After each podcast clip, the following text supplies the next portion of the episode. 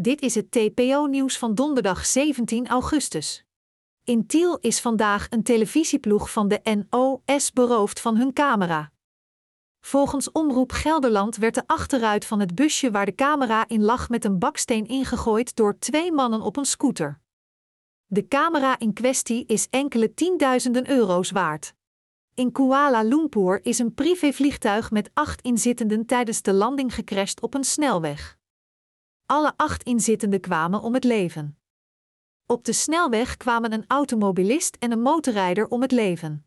Zweden heeft volgens de Zweedse premier Ulf Kristersson meerdere terreuraanslagen weten te voorkomen.